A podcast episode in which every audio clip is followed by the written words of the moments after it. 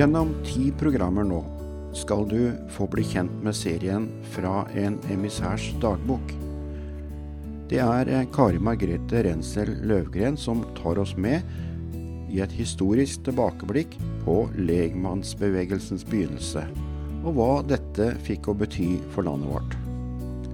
Og ut ifra et trettitalls dagbøker tegnes det også et nært bilde av en emissærs liv og tjeneste i årene fra 1940 til 1970. Hvordan tok de seg fram, og hva talte de over? Bosted, arbeidsforhold, slikt og forventninger er noen av temaene. Og hva kan vi ta med oss av lærdom fra deres tjeneste? Serien ble laget på oppfordring fra mediegruppen Grenland i 2019. Og det blir som nevnt ti programmer. Og her kommer det første.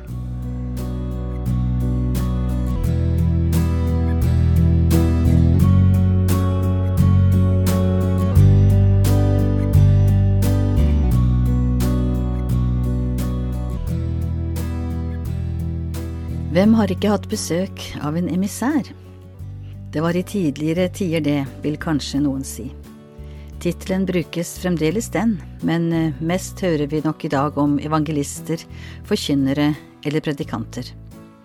I noen program framover skal vi friske opp igjen tanker rundt disse evangeliets budbærere, ta for oss hvordan tjenesten starta, hvilke vilkår de arbeida under, hvor møtene ble holdt, tekster og bosted, og ikke minst, hvordan tok de seg fram fra bygd til bygd? Ja, emnene er mange, og jeg håper det vil bli interessant å følge med, og for flere også gjenkjennende, vil jeg tro. Mot slutten av serien vil jeg ta eksempler fra far, Torleiv Rensel, sin tid som emissær, ut fra dagbøker han skrev fra sin 30 år lange tjeneste midt på 1900-tallet. Så la oss starte med spørsmålet hvordan fødtes ideen om dette å reise rundt og forkynne Guds ord? Naturlig blir det da å gå helt tilbake til Hans Nilsen Hauge, som ble født i 1771. Under våronna 1796, da denne 25 år gamle bondesønnen går ute på jordene i Rolfsøy i Østfold, blir han overmanna av en enorm gudsopplevelse. Tilfeldig var det nok heller ikke at han denne dagen bak plogen gikk og sang Jesus, din søte forening og smake, lenges og trenges mitt hjerte og sinn. Hans var som de fleste døpt og konfirmert og hadde sin tro på Jesus, men som han sjøl forteller, hjertet var ikke med, lenge hadde han bedt om en forandring. Dette er hva han eh, videre gjengir fra denne vårdagen. Mitt sinn ble så oppløftet til Gud at jeg ikke sanset meg. Ingen kan ta fra meg dette. Mitt sinn var nytt. Jeg sørget over alle synder og kjente en sterk trang til at menneskene skulle få del med meg i samme nåde. Da den unge Hauge kom hjem fra Våronna den kvelden, var han ikke til å kjenne igjen, står det å lese i hans memoarer. Han lyste av forløst glede og talte begeistrede ord om Guds kjærlighet. Ja, det var et guddommelig marsjordre han hadde fått denne dagen. Slik opplevde han det, og spurte Jesus hva han skulle si.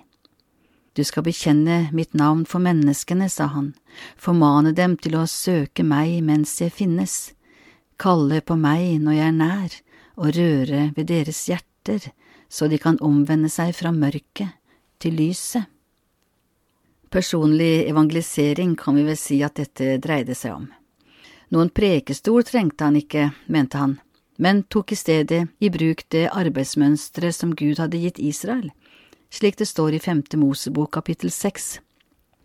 De ord som jeg byr deg i dag, skal være på ditt hjerte, og du skal gjenta dem for dine barn og tale om dem når du går på veien, når du sitter i ditt hus, når du legger deg, og når du står opp. Evangeliet måtte ut til folket der de befant seg, og dette var en helt ny tanke. Men ingenting ble lettkjøpt for den unge Hauge, især når det gjaldt den store trangen til å dele evangeliet om Jesus utover i landet. Et evangelie som måtte få spire hjertet til den enkelte, og der det viktige var at liv og lære fikk gå hånd i hånd. Kjærlighet til Jesus og kjærlighet til vår neste. Hinderet Hauge nå støtte på, var en lov som den dansk-norske kongen Kristian 6. hadde innført 30 år før Hauge ble født, nemlig konventikkelplakaten. Denne 17 punkters lange loven forbød nemlig lekpredikanter, altså de uten teologisk utdannelse, å avholde gudelige forsamlinger. Ingen mannfolk eller kvinner, sto det, må reise omkring alene eller med følgeskap, fra sted til annet, under navn at styrke og oppvekke andre, og der anstille samlinger. Vidløftige taler av ulærde var forbudt, og husandakter skulle ikke være for mer enn én til tre personer utenom familien. Men hva lå bak en slik streng regulering?